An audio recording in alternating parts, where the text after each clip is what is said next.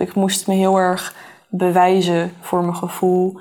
Ehm, en voor mezelf opkomen eigenlijk constant. En ik was echt super zenuwachtig. ehm, omdat ik dus heel bang was dat ik ja, vooral iets fout zou doen. Dit is Recht van Spreken, de podcast over kinderrechten van Defence for Children. Deze maand spreekt Malou van der Starre met professionals en jonge ervaringsdeskundigen.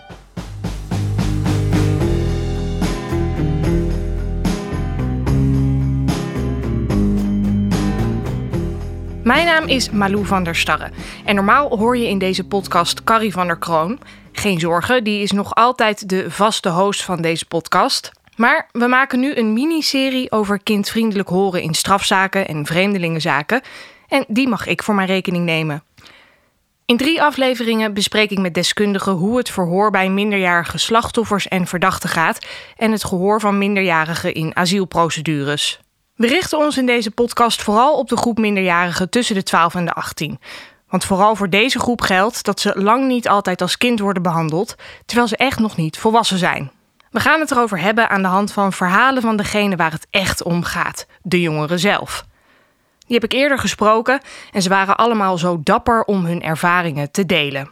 Door naar hun verhalen te luisteren en erover verder te praten, willen we inzicht geven in wat er beter kan.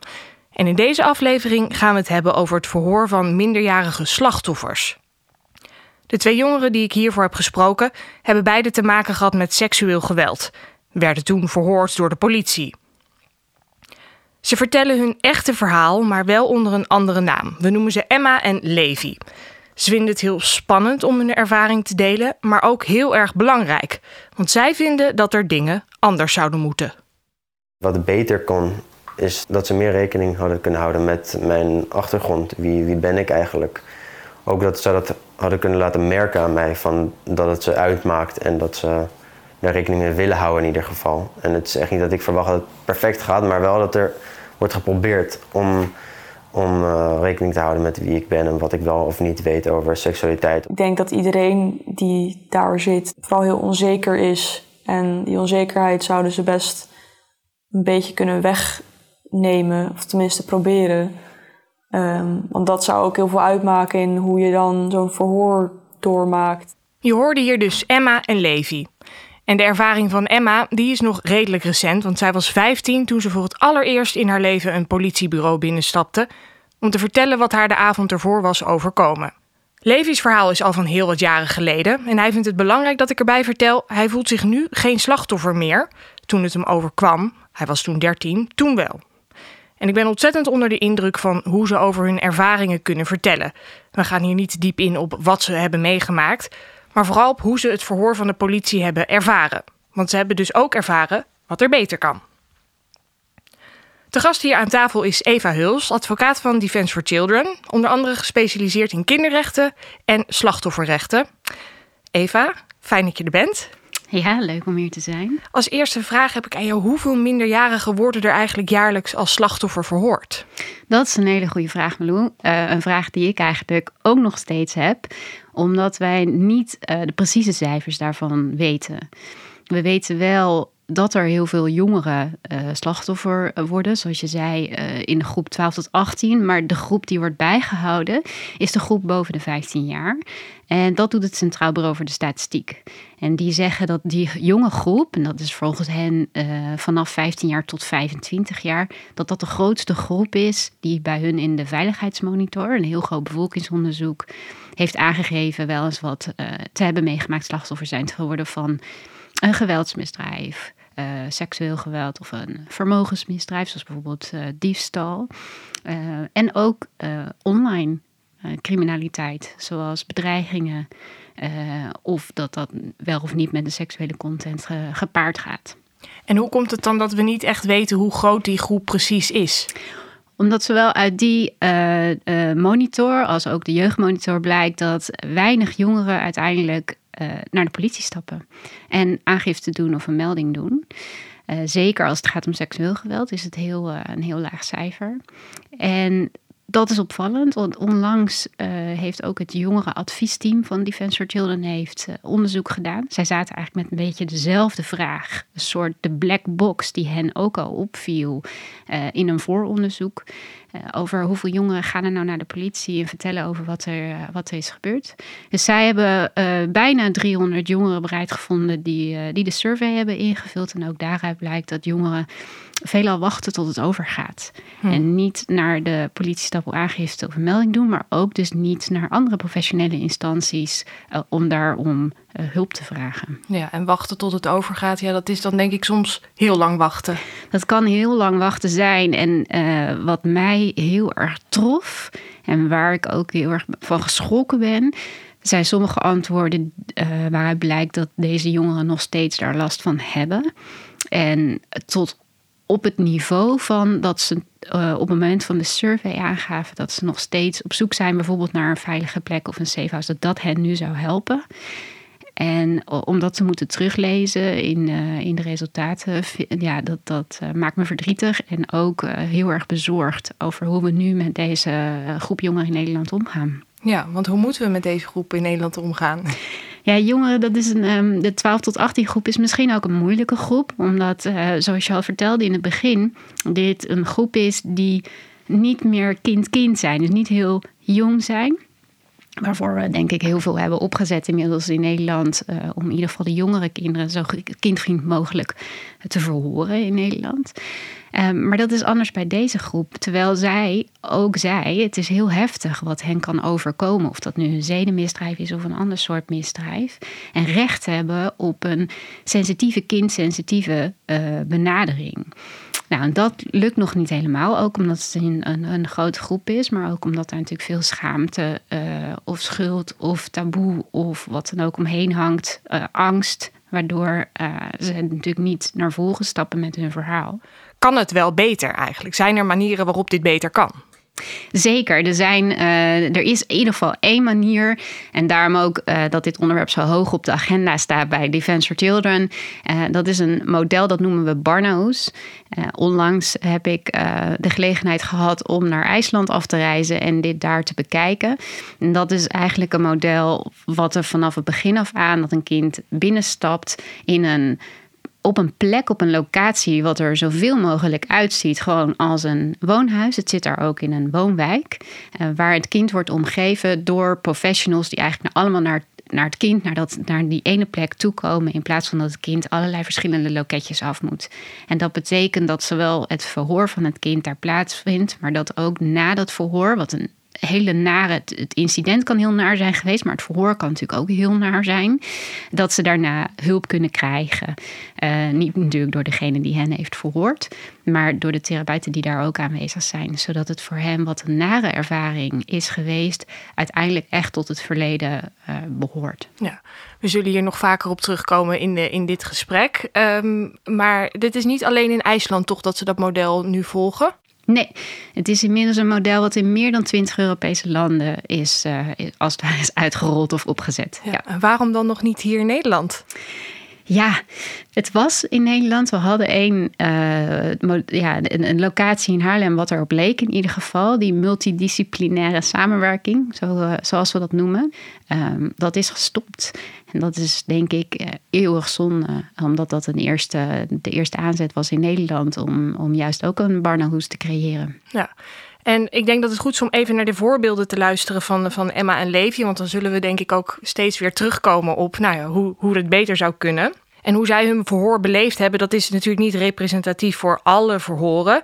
Maar hun ervaringen geven ons wel de aanknopingspunten om door te praten over hoe de rechten van minderjarige slachtoffers worden nageleefd. En om echt scherp te krijgen hoe dat dus inderdaad wat beter zou kunnen. En dan wil ik graag beginnen bij het allereerste uh, contact met de politie wat Emma had.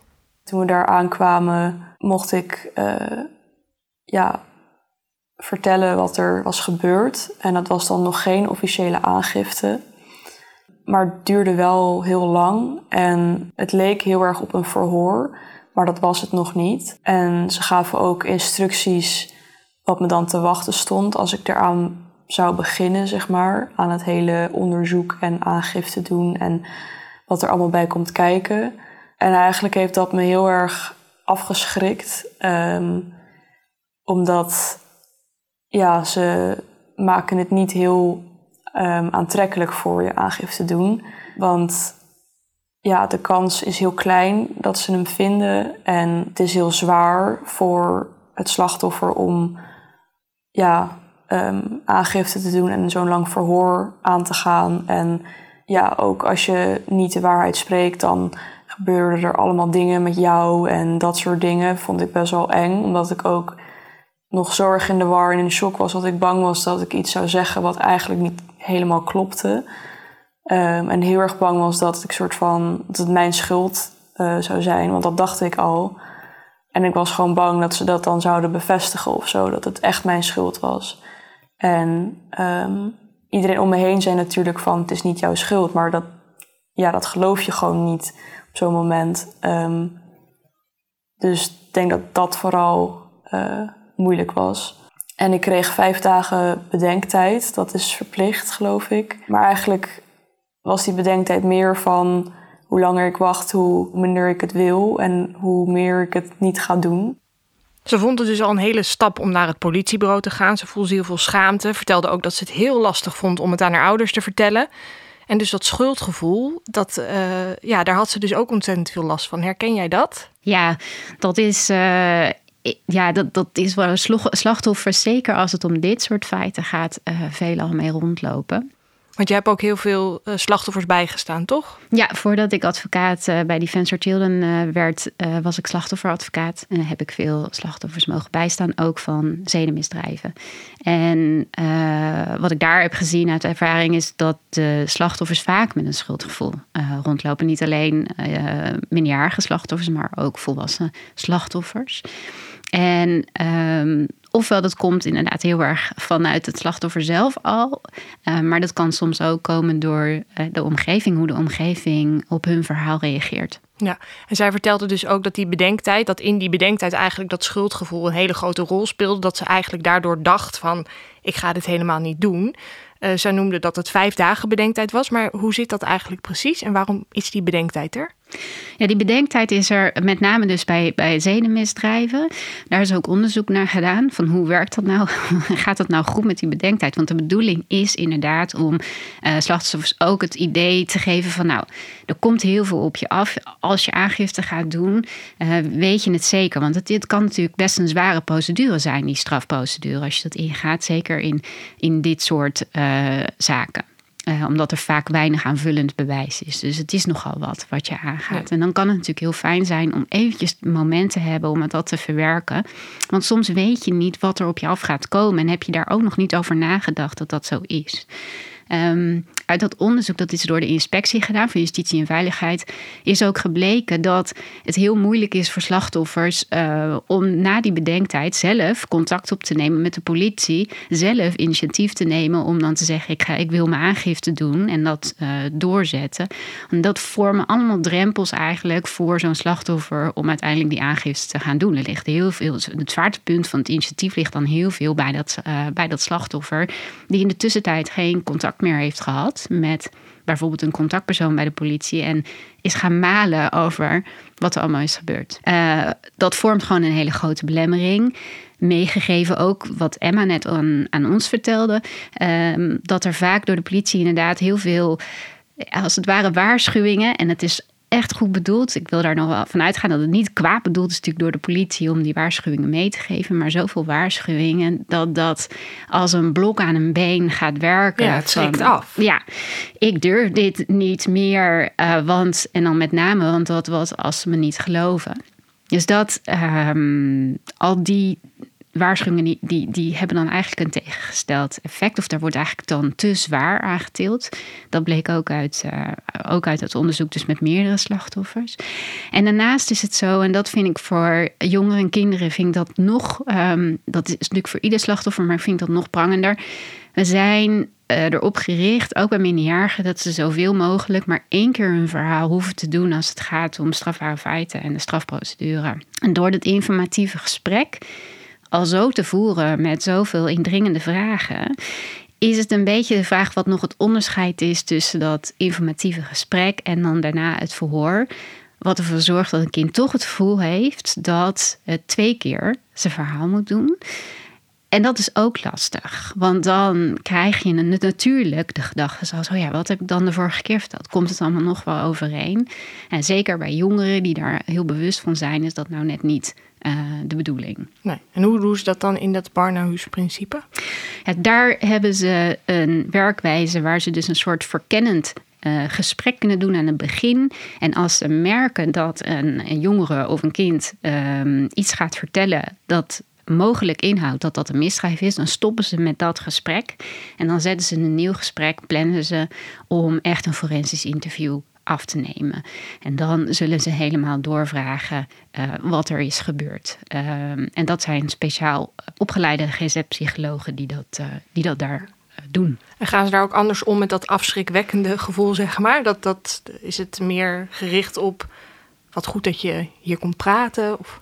Ja, zij, uh, nou je forensisch interviewer is natuurlijk heel erg, die, die doet dan dat interview. Maar wat er gebeurt is dat ze dat opnemen daar um, in een kindvriendelijke of gewoon in een soort van huiskamerachtig uh, gevoel. Terwijl de andere actoren in het strafproces, dus de rechter, de officier van justitie, de advocaat van de verdediging, die kijken allemaal mee in een andere kamer. En die kunnen op dat moment ook, als ze vragen hebben, kunnen ze dat aan de rechter doorgeven. En de rechter die kan het dan in een oortje doorgeven aan de, aan de forensisch interviewer. En als dat uh, verhoor is afgerond, dan gaat het inderdaad over heel erg over wat goed dat het kind zijn verhaal heeft gedaan. En daarna wordt er dus door iemand anders binnen dat barnhoes dan eventueel therapie aan het kind gegeven. Op het moment dat het kind bijvoorbeeld echt enorme last heeft van een, uh, van een trauma. Wat natuurlijk bij, zeker bij dit soort misdrijven uh, heel goed mogelijk is. Dus het gaat, ze hebben daar in Barnhoes eigenlijk twee principes heel willen combineren. En dat is één, de kinderrechten, namelijk het recht om gehoord te worden. En wat in het belang is van dat kind, dat staat aan de ene kant. En aan de andere kant is het het recht op een eerlijk proces ook hè, voor een verdachte. Wat met zoveel mogelijk waarborgen omkleed gaat, maar ook met dat natuurlijk hele lastige vragen ook gesteld worden aan, het, uh, aan het slachtoffer. Ja, en die bedenktijd waar we het over hadden, is die nou eigenlijk verplicht? Nee, die is niet uh, verplicht. Die wordt wel dus bij, bij met name de zedenmisdrijven uh, wordt gezegd van, om daar gebruik van te maken. Maar het kan zo zijn dat iemand gewoon na het informatieve gesprek aangifte doet. Ja, en voor Emma was het dus wel eventjes, ze moest er goed over nadenken, omdat ze zich dus een beetje het gevoel dat ze werd afgeschrikt. Maar dat geldt natuurlijk ook niet voor iedereen. Want Levi, die had bijvoorbeeld best wel een positief gevoel juist bij het eerste contact. En die vertelt dan dus over een gebeurtenis die lang geleden al plaatsvond. Ik kwam daar aan en uh, ik kreeg eerst, uh, nou, verwelkomd en ik kwam met mijn vader. En die agenten lieten mij een beetje de, het gebouw zien en uh, liet me de cellencomplexen zien. En ja, ik kreeg gewoon een mini-rondleiding achter tot we daar boven gingen. En ja, kwam er dat, een soort gang binnen en ik weet nog in het begin van de gang daar zaten dus van die, weet ik nog, ik kon zien dat er van die mooie kamertjes waren met kleuren en zo en al dat. En, uh, maar wij gingen verder op die gang en daar waren gewoon van die saaie kamers. En daar ging ik dus zitten, ging naar binnen, dat is een soort, mm, ja, ik weet niet hoe ik, hoe ik moet beschrijven, gewoon een slaapkamer groot ongeveer. En ik ging met mijn vader naar binnen. En er waren twee agenten, dus diegene die me had rondgeleid, die, die kwam er ook bij zitten. En er zat een andere ook en die zat achter de computer te typen. En uh, ja, en recht voor mij zat dus gewoon een raam naar buiten. En het was voor mij wel fijn om ja, dat, toch wel een beetje afleiding te kunnen hebben. En ook, ja, het was niet een makkelijk onderwerp om over te praten, denk ik. Dus ja. Dus dat was wel fijn, ja. Dat ik even naar buiten kon kijken en ja, vogeltjes kon zien vliegen en zo. Gaf me wel een, een veilig gevoel op zich. Dus het was wel een soort fijne kennismaking, denk ik. Om ja, een beetje te weten van waar ben ik precies eigenlijk en wat, wat is dit. Ze ging me ook uitleggen nog wat de zedenpolitie is, en, want ik wist dat ook niet echt. Uh, dus dat legden ze ook uit en ja, ik vond het wel fijn om te weten van, ik weet ongeveer waar ik ben nu. Ja, Levi was heel uh, blij dat er een raam was, dat hij een beetje naar buiten kon kijken, want het was toch een moeilijk onderwerp voor hem om over te praten. Is de plek waar zo'n verhoor plaatsvindt belangrijk, Eva? Ja, in die zin uh, dat we dat natuurlijk vanuit jongeren vaak horen als in als het nou een hele kale plek is. Uh, met alleen bijvoorbeeld inderdaad een computer, een toetsenbord, een tafel en een stoel. En, en daar zit je dan um, met vier muren en kaal grijs. Dan kan dat nou net niet de omgeving zijn die uitnodigt om over een heel moeilijk uh, onderwerp je verhaal te doen. Nu blijkt ook uit onderzoek dat het vaak uh, ook afhankelijk is van de klik die men weet uh, te creëren tijdens zo'n gesprek. Dus het kan zo zijn dat bijvoorbeeld een jongere van 17 jaar nou niet per se allerlei teddyberen om zich heen hoeft te hebben. Nee. Dat niet. Uh, omdat het ook gaat over krijg je iemand natuurlijk fijn, kun je daar fijn gewoon een, je verhaal bij doen. Ja, dus de klik met degene die het verhoor die het afneemt. verhoor afneemt. En, uh, maar het is wel zo dat natuurlijk een prettige ruimte waar jij je op je gemak voelt, dat dat, nou, ik denk voor iedereen wel uitnodigt dat je rustig kan gaan zitten. En dat dat het al uh, in ieder geval behulpzaam kan zijn aan over een heel moeilijk onderwerp. Ja, en dat je je misschien ook wat veiliger of zo voelt. En ik vind het ook wel interessant wat jij zegt: van je moet een beetje een klik hebben met degene die je verhoort. Levi die vertelde dat hij door twee vrouwen werd verhoord en Emma door een man. En zij zei toen zelf van ik had dat gesprek eigenlijk liever misschien wel met een, met een vrouw gevoerd.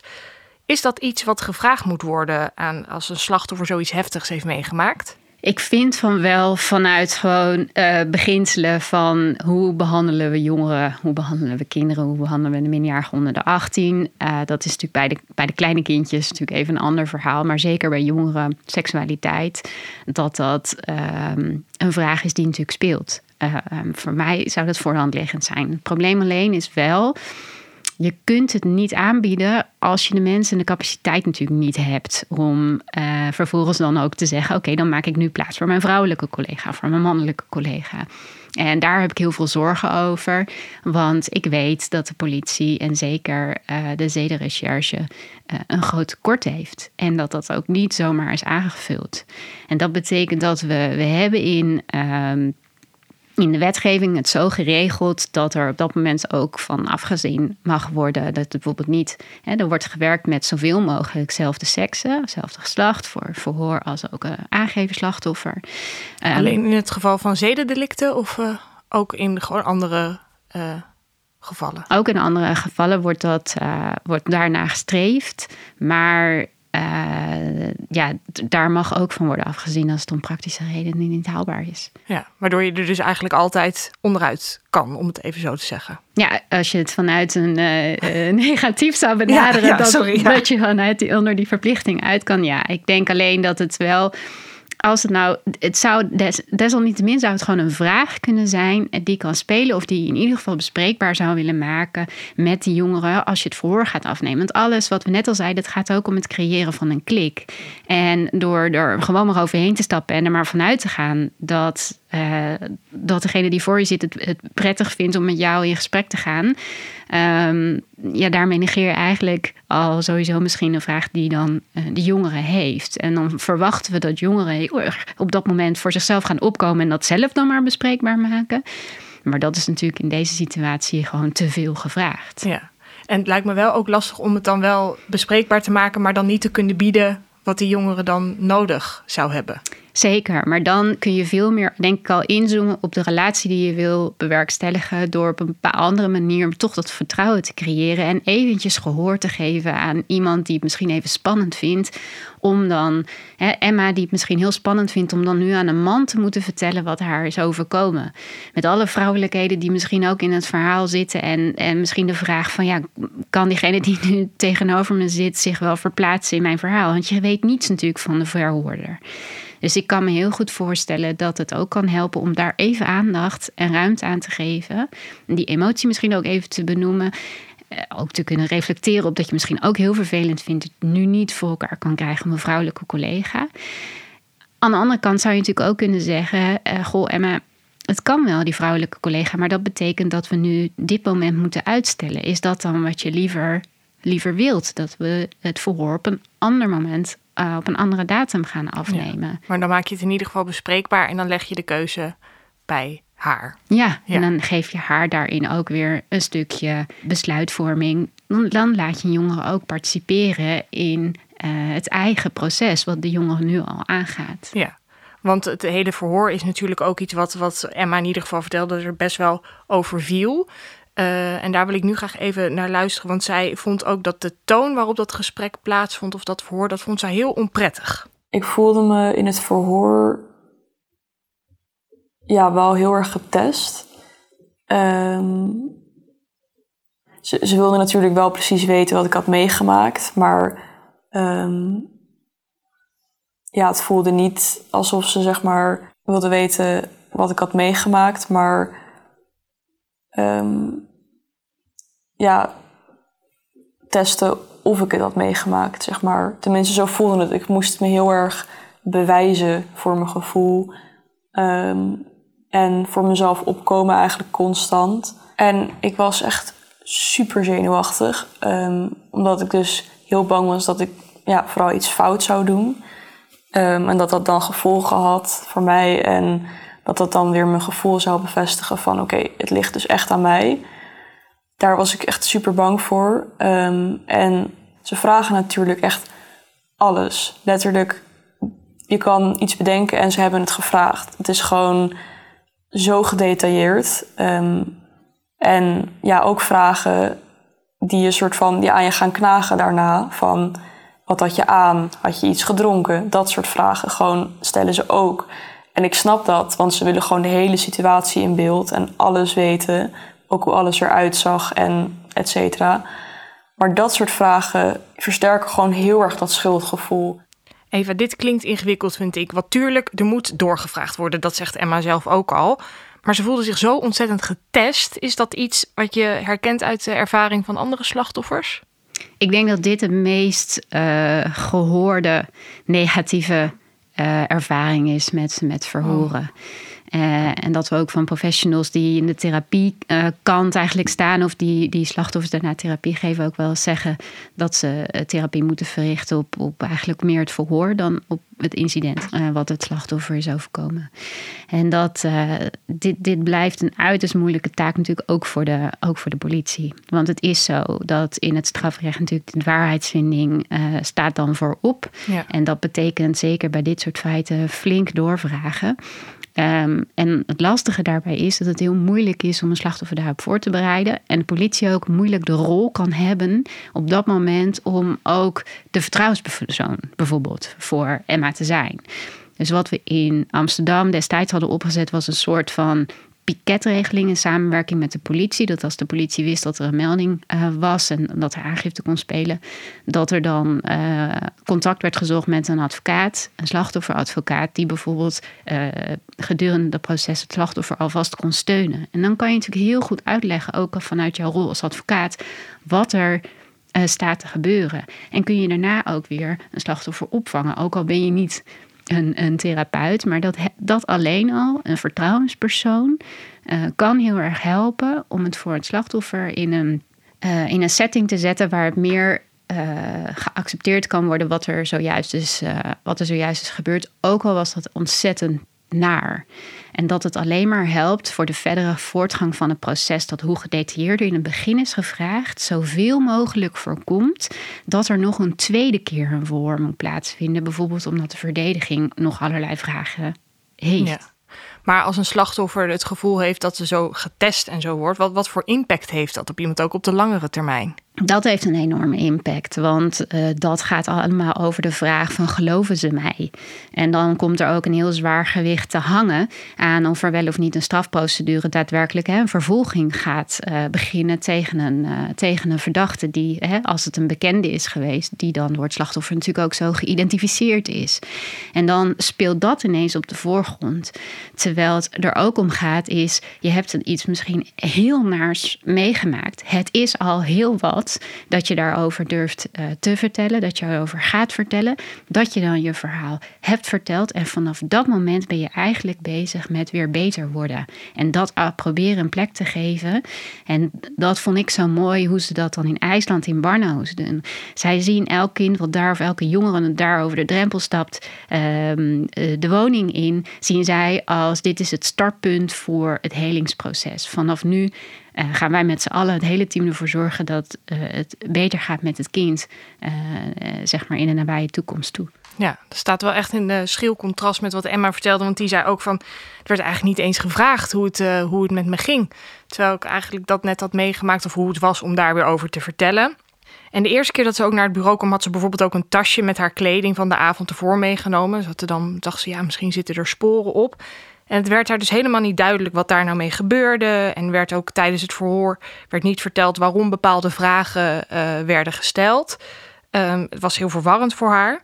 En Levi die vertelde dat hij dat ook heel erg meemaakte in zijn verhoor. Het begon best uh, gewoon prima. Ik ging gewoon vertellen.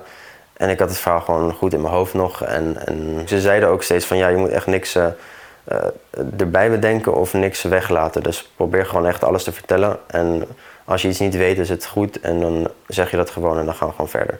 Dus dat was wel fijn. En er kwamen steeds vervolgvragen van ze: van hoe ging dit dan, hoe ging dat dan? En wat deed hij hier wat deed hij daar? En uh, vroeger wel echt heel erg steeds meer gedetailleerd. En op een gegeven moment vond ik het wel uh, lastig worden. Want ik dacht van nou, dit is toch gewoon best wel duidelijk wat ik nu vertel.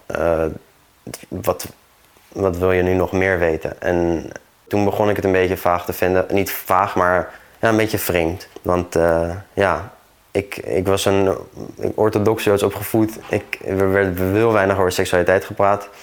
helemaal niet. mijn ouders zijn ook uh, niet, uh, spreek geen Nederlands, dus, uh, of nou, nu beter, maar toen niet zo goed. En in ieder geval werden deze termen in het Nederlands niet besproken. Dus ja, dat, dat, toen begon het wel een beetje lastig te worden toen dat soort vraagjes kwamen. omdat ik het gewoon niet snapte. Ik wist niet echt hoe ik ze moest beantwoorden. En toen vroegen ze ook van, wil je dan... Um, waar heeft hij dan precies aangeraakt en zo? En toen zei ik dat. En toen zeiden ze, oké, okay, hoe ziet het er dan uit? Uh, en toen zei ik, uh, geslachts, hoe ziet dat eruit? Maar dat weten jullie toch wel. En dat zei ik niet, maar dat dacht ik in mijn hoofd van, dat, weten jullie toch. Um, toen zei ik, nou gewoon zo, ging het een beetje half beschrijven, vond ik heel ongemakkelijk. En toen vroegen ze van, oké, kan je het voor me tekenen? En toen, ja, ja, ik wilde het denk ik niet zo graag eigenlijk, om het te tekenen. Ik vond het heel raar. Ik denk dat het wel goed was geweest als ze, als ze misschien hadden gevraagd, bijvoorbeeld van, over naar mij, van hoe, hoe ben je opgegroeid of, of iets meer misschien kennis met me hadden gemaakt of zo. Ja, een beetje hadden nagevraagd van hoe, hoe ik daarin sta. Hoe, wat, wat weet ik allemaal wel en niet over seksualiteit. Ook een beetje laten merken dat, dat ze me een beetje beter snappen en dat ze begrijpen waar ik vandaan kom. Ja, heeft nog heel lang in zijn hoofd gezeten met die vraag: waarom moest ik dat nou tekenen? Had dat hem niet uitgelegd moeten worden, Eva? Nou, het is voor jongeren wel uh, fijn als er wat meer stil wordt gestaan bij, uh, als er voor wordt afgenomen, wat, ja, wat er allemaal gebeurt. Want er gebeurt gewoon op dat moment heel veel en wordt, je wordt gewoon overvallen. En ik kan me voorstellen dat de politie heeft gedacht ja, misschien dat op dat geslachtsdeel wel een, iets zat, een litteken, een moedervlek, wat heel identificeerbaar is. Dus als we later een verdachte uh, zouden arresteren en we zouden daar een uh, foto van maken en dat zou precies hetzelfde zijn, ja, dan, dan is dat, hè, kan dat weer bewijs uh, vormen. Ja, maar het is wel handig als je dan even bijvertelt waarom, waarom wat het belang is ja. van de vraag. Um, maar wat, wat ik nog belangrijker vind eigenlijk is dat, uh, wat Levi ook zegt, hij heeft heel veel dingetjes, uh, dus kennelijk nog niet thuis verteld, is het ook niet zo gewend. En er wordt niet even de ruimte genomen om met hem um, te praten over hoe hij is opgegroeid. En slachtoffers hebben een recht op een individuele beoordeling in Nederland, zoals we dat noemen. En een individuele beoordeling ziet nu heel erg bijvoorbeeld over: heb je extra bescherming nodig? Als iemand je stalkt of als er nog een bedreiging is, hoe kunnen we je zo goed mogelijk beschermen? Nou, voor minderjarigen uh, en dus ook voor jongeren is het, um, vind ik, als we kijken naar de Europese en internationale standaarden, zouden we dat wat breder moeten zien. Dat is ook wat we als Defense for Children uitdragen. Je zou iets meer moeten kijken naar alle behoeften van een kind op dat moment. En daar zouden dan, als een goede individuele beoordeling wordt afgenomen bij minderjarigen, dan zouden dit soort onderwerpen natuurlijk worden besproken voordat het uh, verhoor wordt afgenomen. Want dat staat er dan los van. Dat doe je dan als eerste stap. Ja, dat wordt gedaan. Nu, zoals het nu is ingericht in Nederland, wordt de individuele beoordeling afgenomen voordat een aangifte plaatsvindt. En dan kan dus bijvoorbeeld je het opgroeien of de situatie waarin je nu begeeft, kan dan al besproken worden. En uh, mijn ervaring is ook wel uh, als ik in gesprekken, hè, aan gesprekken terugdenk met zedenrecherche, dat ze vaak dit juist wel uh, bespreken. al op het moment dat iemand wordt verhoord, omdat het hele belangrijke informatie natuurlijk kan zijn, om te weten ook in hoeverre iemand is in zijn seksuele ontwikkeling. Wat me nu bij Levi dus een beetje doet afvragen van wie heeft nu dan bij hem dat destijds dat, dat verhoor heeft afgenomen, omdat het dan niet is gebeurd. Ja, en ik hoor je heel duidelijk zeggen, zoals het nu gaat, dat doet mij een beetje vermoeden dat je misschien ook nog wel een idee hebt bij hoe het nog beter zou kunnen. Ja, ja, nou dat is het uh, bij die individuele beoordelingen. Events for Children die zou graag zien dat, uh, dat we dat wat breder in een breder perspectief, dus met een echte kinderlens gaan kijken naar de jongeren ook van 12 tot 18. Uh, dus niet alleen maar gericht op wat er aan beschermingsbehoefte is, maar ook veel breder wat zijn nu de, überhaupt de behoeften van dit kind, wat heeft het kind nu nodig. Um, en dat betekent wat langer stilstaan voordat een verhoor begint, bij wat voor jongeren je voor je hebt zitten. Ja, en dus ook wat Emma vertelde van de aandacht voor het persoonlijke, van hoe gaat het nou met je? En ja. die aandacht. Ja. ja. En wat betreft de communicatie, want daar gaat dit natuurlijk ook allemaal een beetje over, van vertel gewoon wat er speelt en wat je kan verwachten. Viel mij in het gesprek met Emma en Levi ook nog op dat ze allebei vertelden dat ze eigenlijk geen duidelijke informatie hadden gekregen over de registratie van hun verhoor. Want Emma die zei van, ja, ik stoorde me heel erg aan een uh, mevrouw die heel luid in een hoekje zat te typen. En uh, toen dacht ze van, ja, waarom typt u zo hard? Want ik zie ook een camera, het wordt toch gewoon ook opgenomen. Uh, en Levi die zei, ja, ik wist daar eigenlijk helemaal niet dat daar iets mee aan de hand was. Er werd dus niks aan me verteld over of het nou wel of niet werd opgenomen. of niet, nou, misschien niet niks, maar ze waren er in ieder geval heel vaag over. Want ik begreep het niet helemaal, hoe het, hoe het nou zat met het opnemen. Want ik zag dus in de hoek van de kamer boven een, eh, een camera, zo'n soort beveiligingscamera hangen. En ja, ik kon me ook wel voorstellen dat het werd opgenomen natuurlijk. Want, maar ja, aan de andere kant is dat ook gewoon helemaal zo heel snel mee te typen. Uh, dus ik, het was niet helemaal duidelijk voor mij. Uh, wordt het nou opgenomen? Wordt het ook gefilmd? Wie krijgt het te zien? Dat soort dingen. Daar, was, er werd niet echt over gecommuniceerd met mij toen. Ja, dat was gewoon altijd een beetje een vraagteken in mijn hoofd. En die was, veel, was jaren later werd beantwoord tijdens de rechtszaak, uh, dat het toen, werd, toen werd het een stukje ook bekeken van mijn verhoor. Dat was wel een beetje een verrassing. Dat je die beelden dan als een verrassing terugziet in de rechtszaal, mag dat überhaupt, Eva? Nou jeetje, ik moet zeggen, ik schrik hier wel van dat Levi dus tijdens de zitting wordt overvallen... Uh, omdat een stukje van zijn verhoor wordt laten zien. Dat überhaupt in Nederland gebeurt het nog vrij weinig in mijn ervaring dat we op zitting beelden vertonen. Dat kan natuurlijk wel. Uh, zeker bij dit soort zaken, als het lang geleden is gebeurd, dan kan het natuurlijk ook heel helpend zijn om te zien van Levi was toen uh, niet zoals hij er nu uitziet. Misschien was het op dat moment al heel volwassen, hè, volwassen ja. ogende jongen die daar uh, in de zittingszaal zit, terwijl die op dat moment veel jonger was en echt nog een kind. En dat zet het, dat zet het soms ook natuurlijk goed in, in perspectief over waarover de zaak dan gaat. Dus die videoopname heeft meerwaarde. En het zorgt er ook voor dat Levi in de tussentijd niet nog een keer uh, verhoord is, want we hebben dat videobeeld. Alleen, um, het is wel de bedoeling dat één Levi weet dat het wordt opgenomen. Waarom dat ook is, dat het wordt uitgelegd. Wijs het ook uh, eventjes aan van nou, het zit daar en daar. Op het moment dat je een klik weet te bewerkstelligen tijdens het voor- en gesprek, dan zal waarschijnlijk toch die ruimte wel wegvallen. Maar dan, dan, dan weet je het in ieder geval als jongen. En zeker richting aanloop van de zitting, als een van, hè, als de rechtbank het weet, of de officier van justitie of de verdediging, en dan weet de officier van justitie het ook, dat er beelden getoond gaan worden om Levi daarop voor te bereiden. En ik mag van harte hopen dat deze beelden natuurlijk wel. Um, zijn getoond in een zitting die niet openbaar was, waar ook nog allerlei publiek uh, bij was. Nee, want dat, dat mag überhaupt niet? Of? Vanwege de privacy van Levi, op dat moment natuurlijk ook nog een kind is, is dat niet de bedoeling, nee. Nee, dus eigenlijk zeg je van het kan op zich wel een meerwaarde hebben om dat soort beelden te hebben. Sowieso voor de bescherming van, van de jongeren, maar ook om inzichtelijk te maken uh, in de rechts, of in de zitting van waar hebben we mee te maken. Dat is niet die bebaarde jongen die hier voor je zit, maar dat was toen echt een kind. Um, maar er moet wel gewoon goed over gecommuniceerd worden. Zeker. We hebben nu het gehad over het verhoor en over uh, uh, de aangifte. Als je dat dan allemaal achter de, de rug hebt, dan wordt er een strafrechtelijk onderzoek gestart. Uh, op welke manier worden slachtoffers dan vanaf dat punt nog op de hoogte gehouden van het verloop van het onderzoek? Ja, dat is heel wisselend.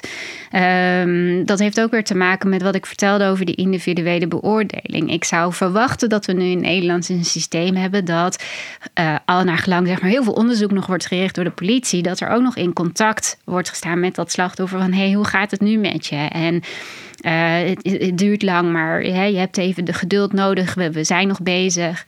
En daarin is, zijn de ervaringen enorm verschillend. Ik weet, de politie heeft eigenlijk niet de capaciteit om dat te kunnen doen. Uiteindelijk stuurt de politie stuurt het dossier naar het Openbaar Ministerie. Die gaan dan beslissen, gaan we echt de vervolging inrichten. En dan is het Openbaar Ministerie is eigenlijk ook verantwoordelijk om dan het slachtoffer bijvoorbeeld op de hoogte te houden. Vaak gebeurt dat middels brieven. Omdat uh, slachtoffers brieven krijgen. Um, hoewel ik weet dat ze erg hun best doen om die brieven in zo simpel mogelijke taal op te stellen, is het toch voor veel jongeren en ook veel volwassen slachtoffers niet goed te begrijpen wat er nou precies staat. Dan is het heel fijn als je een slachtofferadvocaat hebt, want die kan het gewoon prima aan je uitleggen en die kan ook een beetje vinger aan de pols houden, want die weet zijn weg wel in dit systeem. Um, maar als het echt aankomt op, uh, zoals we nu hebben ingericht, en je hebt die steun niet en je hebt die juridische hulp niet, uh, dan is de vraag: één, ontvang je de brief of gaat de brief ook? Hè? Meestal gaat het ook naar ouders.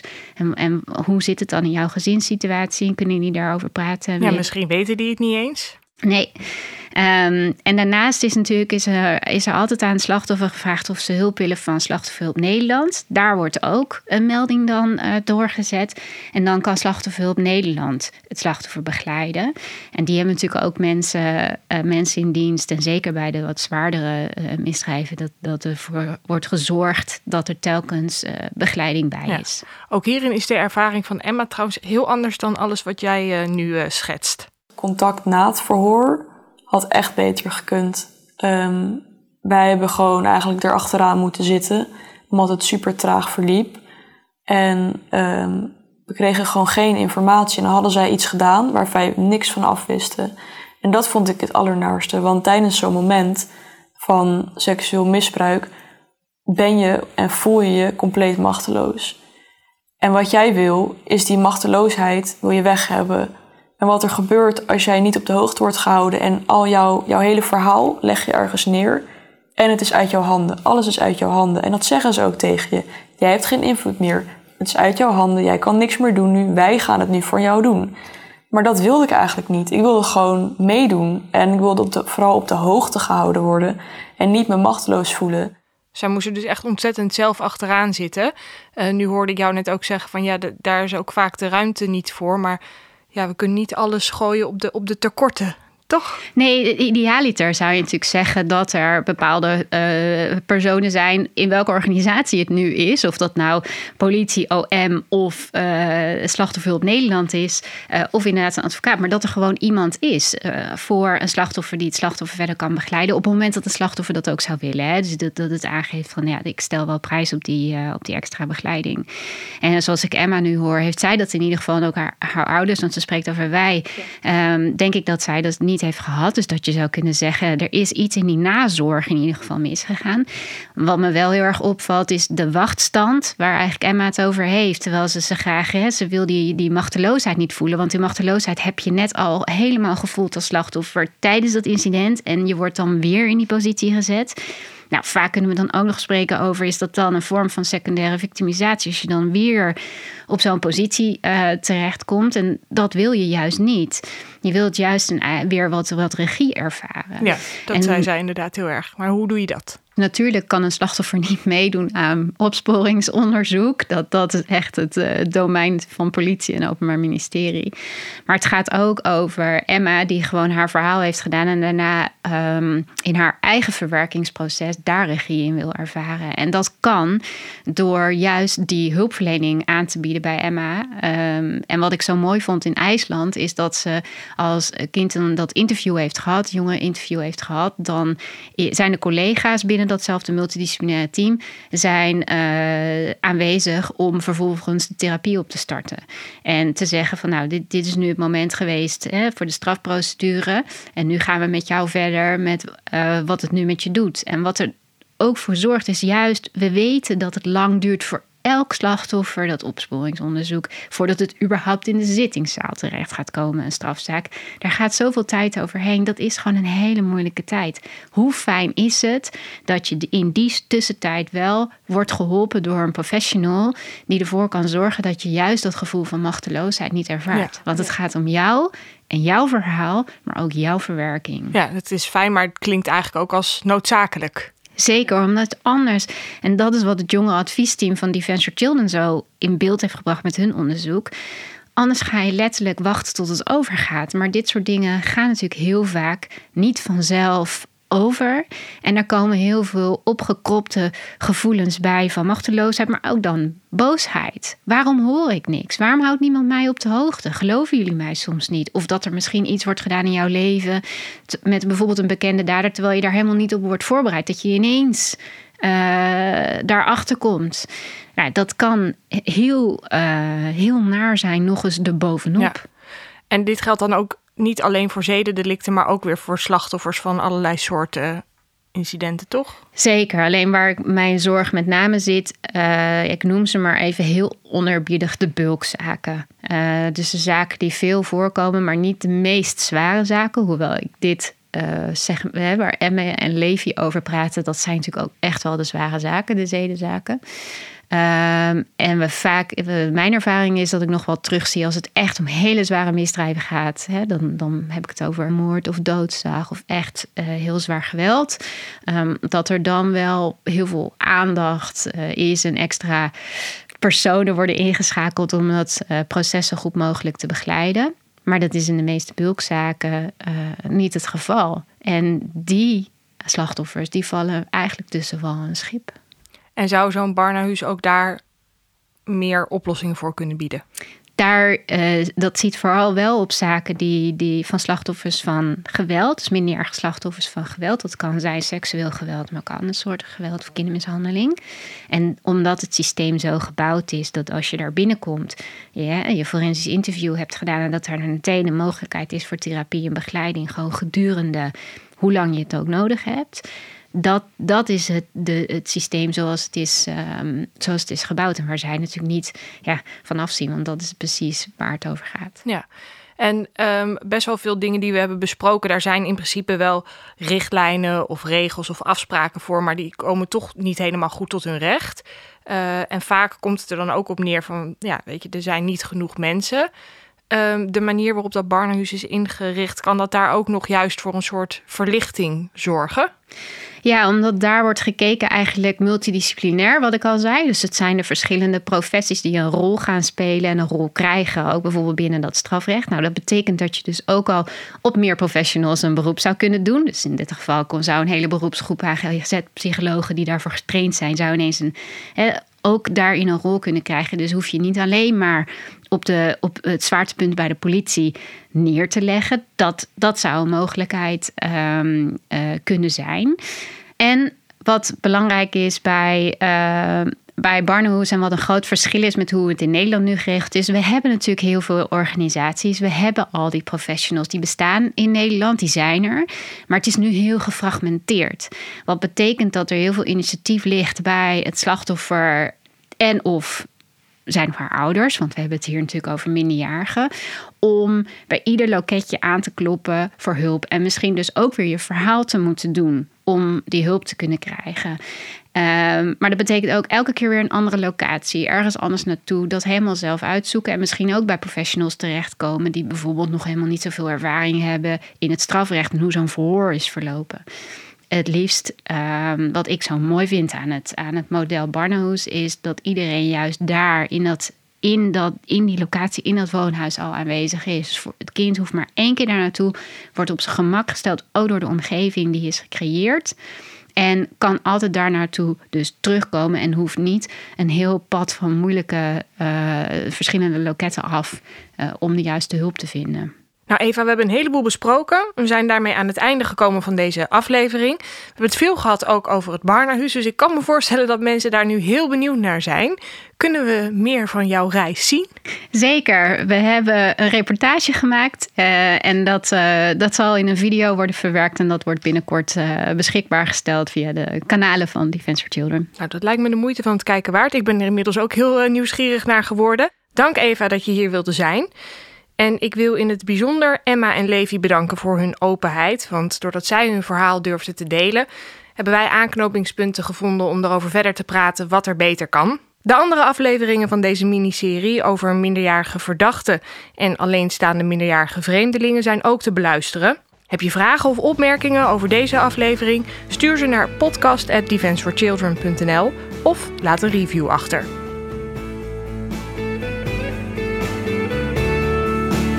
Vond je deze aflevering interessant?